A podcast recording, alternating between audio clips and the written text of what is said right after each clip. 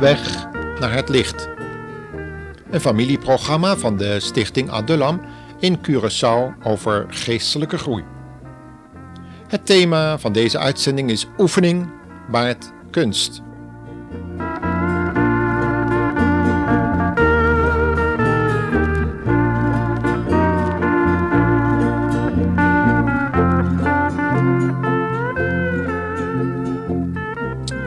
Kent u dat ook, luisteraar, dat het lijkt alsof God uw gebeden maar niet verhoren wil, hoewel u ze met tranen omhoog gezonden hebt?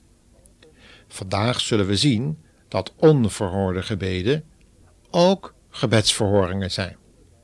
God heeft u op een bijzondere wijze geantwoord en duidelijk willen maken dat het nee was of nog niet.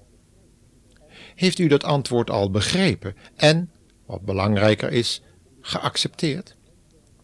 Moeilijk is dat, de luisteraar, om zo te bidden dat de grondtoon van onze verzoeken om hulp altijd de echo van Jezus' woorden in Gethsemane zijn.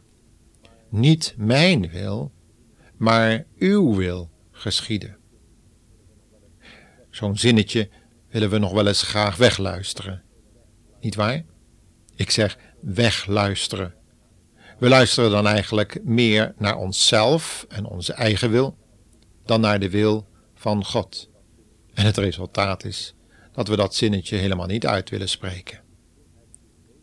Maar die gezindheid die de Heer Jezus heeft geopenbaard, bezit je niet zomaar. Er is oefening voor nodig om je die eigen te maken. En dat wordt na, snel na je bekering wel duidelijk. We gedragen ons vaak net als kleine kinderen, die ook alles wat ze denken nodig te hebben, direct willen hebben. Maar Jezus zelf geeft het volmaakte voorbeeld, zodat we Hem daarin kunnen navolgen in de kracht van de Heilige Geest. Maar we moeten voor zo'n bewuste navolging en overgave wel kiezen. Het komt dus opnieuw op overgave aan, en dat is een bewuste daad van onze wil. Laten we nu eens kijken hoe de Heer Jezus dat deed toen hij tijdens zijn verblijf op aarde in uiterst moeilijke omstandigheden verkeerde. We lezen hierover in Hebreeën 5, vers 7 tot 10. Om daarna, als we dat gelezen hebben, onszelf te toetsen, beter gezegd, te vergelijken, zodat we uit die vergelijking zullen leren welke oefeningen we in onze geestelijke groei moeten doormaken om volwassen christenen te kunnen worden. Laten we echter eerst die versen 7 tot 10 van Hebreeën 5 eens lezen. Terwijl hij hier op aarde was, heeft Christus onder tranen geroepen tot God, die hem van de dood kon redden. God verhoorde zijn gebeden, omdat hij zich aan Gods wil onderwierp. Zelfs al was Jezus de Zoon van God, toch moest hij uit ervaring leren wat gehoorzaamheid was, ook als dat pijn en verlatenheid betekende. Nadat Jezus had bewezen daarin volmaakt te zijn, werd hij de gever van eeuwige redding voor alle mensen die hem gehoorzamen. God had hem immers aangewezen als hoge priester, op dezelfde wijze als Melchizedek. Wanneer we vers 7 dus in de oude Statenvertaling gelezen zouden hebben, zouden we gezien hebben dat God de Heer Jezus verhoord had door de vrees van hem weg te nemen. Hij verhoorde hem uit de vrezen, zodat Jezus zou volharden tot het einde toe. Het ging immers om het volbrengen van het werk dat hij aanvaard had, zodat zondige mensenkinderen zoals u en ik vergeving konden krijgen op grond van zijn bloedig offer op het kruis van Golgotha. Wat een dankbaarheid welt er in het hart van iedere christen op, wanneer we bedenken hoeveel lijden onze heiland heeft moeten doorstaan, en met welk een volharding hij die verschrikkelijke gevolgen van onze zonden heeft gedragen, totdat alles volmaakt volbracht was.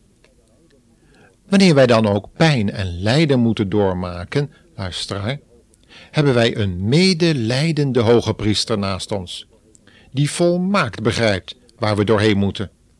Nooit kunnen we dus zeggen dat we er alleen door moeten, want de Heer Jezus is bij u.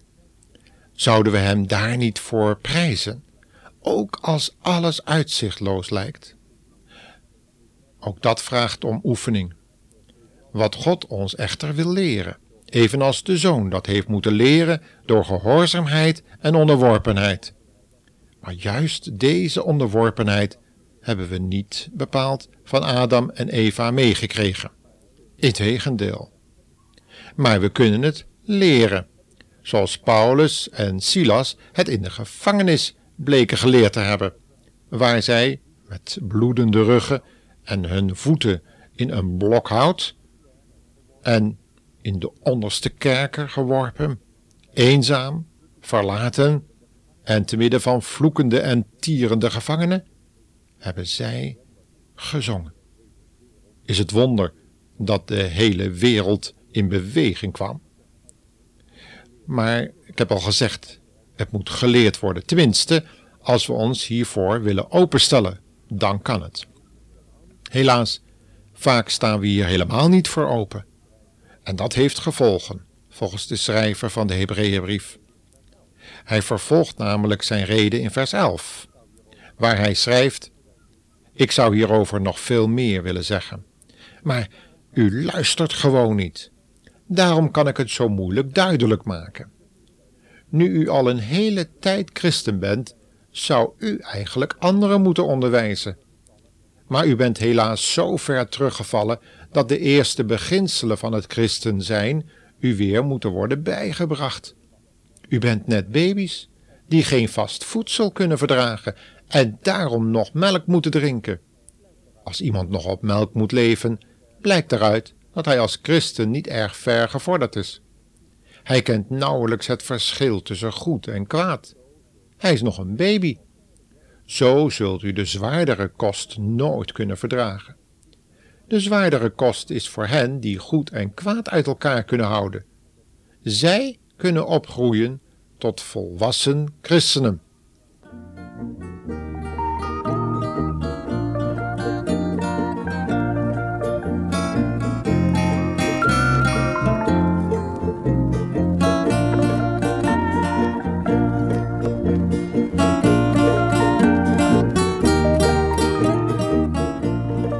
Leest u het zelf nog maar eens na.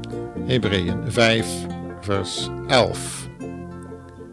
Ja, en dat is dan weer het probleem van veel christenen. Gebrek aan diepgang en geestelijke groei. Het is nogal wat wat hier geschreven staat.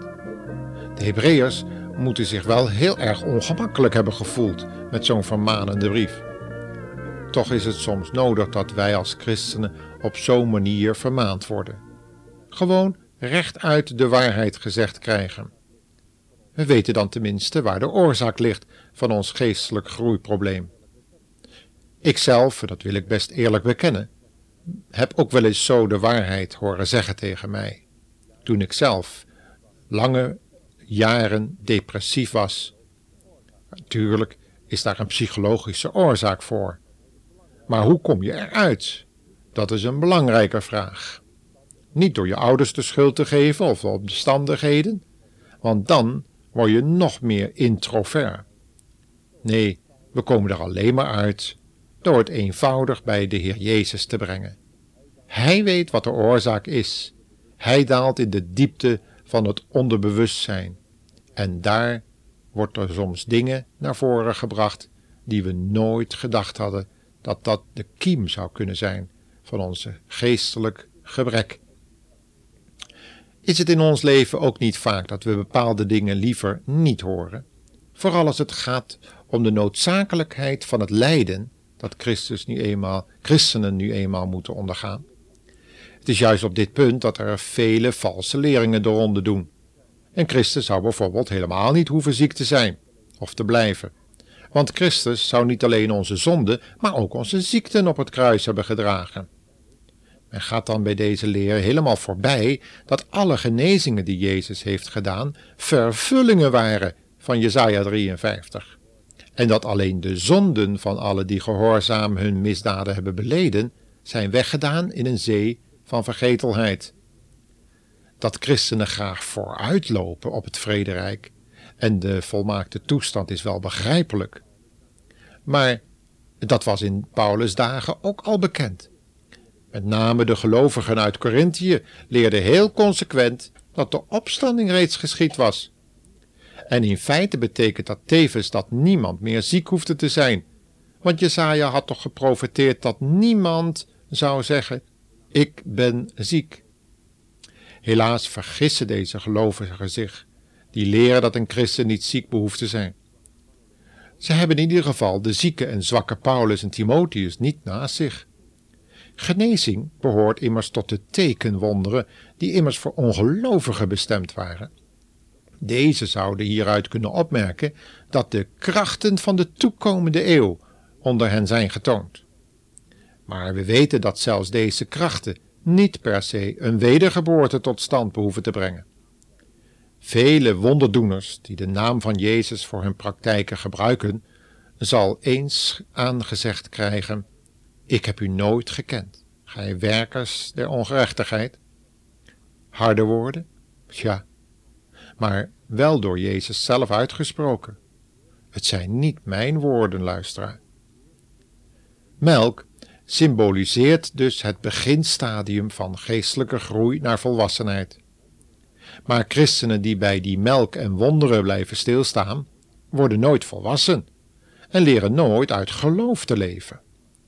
Jezus moest Thomas hierover al vermanen, met de volgende woorden: Geloof je het nu, Thomas, omdat je mij ziet en omdat je het kan tasten? Gelukkig zijn de mensen die in mij geloven, zonder mij gezien te hebben.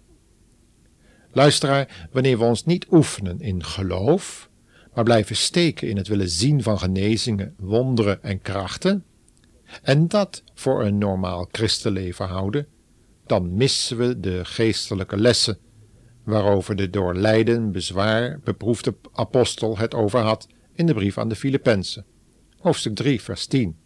Leest u maar. Hij zegt: Het enige wat ik wil is Christus kennen en ervaren hoe groot de kracht is waardoor hij uit de dood is opgestaan. Ik wil ervaren wat het betekent om met hem te lijden en te sterven, om uiteindelijk te komen tot de opstanding uit de dood. En aan de jonge en zwakke Timotheus zei hij: Jij hebt achtervolgd mijn vervolgingen, mijn lijden. De Heere heeft mij uit alles verlost. Lijden. Tegenwoordig zouden sommige christenen geschreven hebben: Timotheus, je hoeft niet naar een medicijn te zoeken. Medicijnen hoef je niet meer te gebruiken. Je hoeft alleen maar geloof te oefenen en dan ben je zo van je zwakke maag af. Misschien had Timotheus wel aanleg voor een maagzweer, zouden we kunnen zeggen. Of maagzuur. Wie heeft dat niet? Maar Paulus schrijft dat niet. Hij zegt: Timotheus, ik heb een middel voor je. Gebruik een klein beetje wijn. Niet te veel, want daar zijn ook gevaren in. Een klein beetje wijn. Paulus geeft hem een normaal geneesmiddel, wat in die tijd gebruikelijk was, evenals de zalving met olie, een normale geneeskundige praktijk in die dagen was. Misschien heeft u momenteel ook de oefening van het lijden mee te maken, luisteraar. Maar troost u, het lijden van deze tegenwoordige tijd weegt niet op tegen datgene wat iedere christen wacht. Laten we daarom uitzien naar die spoedige wederkomst van Christus onze Heere. En Paulus heeft nog een remedie gegeven tegen lijden: gebed. God wil op het gebed soms ons uit lijden verlossen. Hij wil genezing geven, dat is vast, maar wel op zijn tijd, niet op de onze. Er zijn genoeg gebedsverhoringen op dat punt, ook in mijn leven.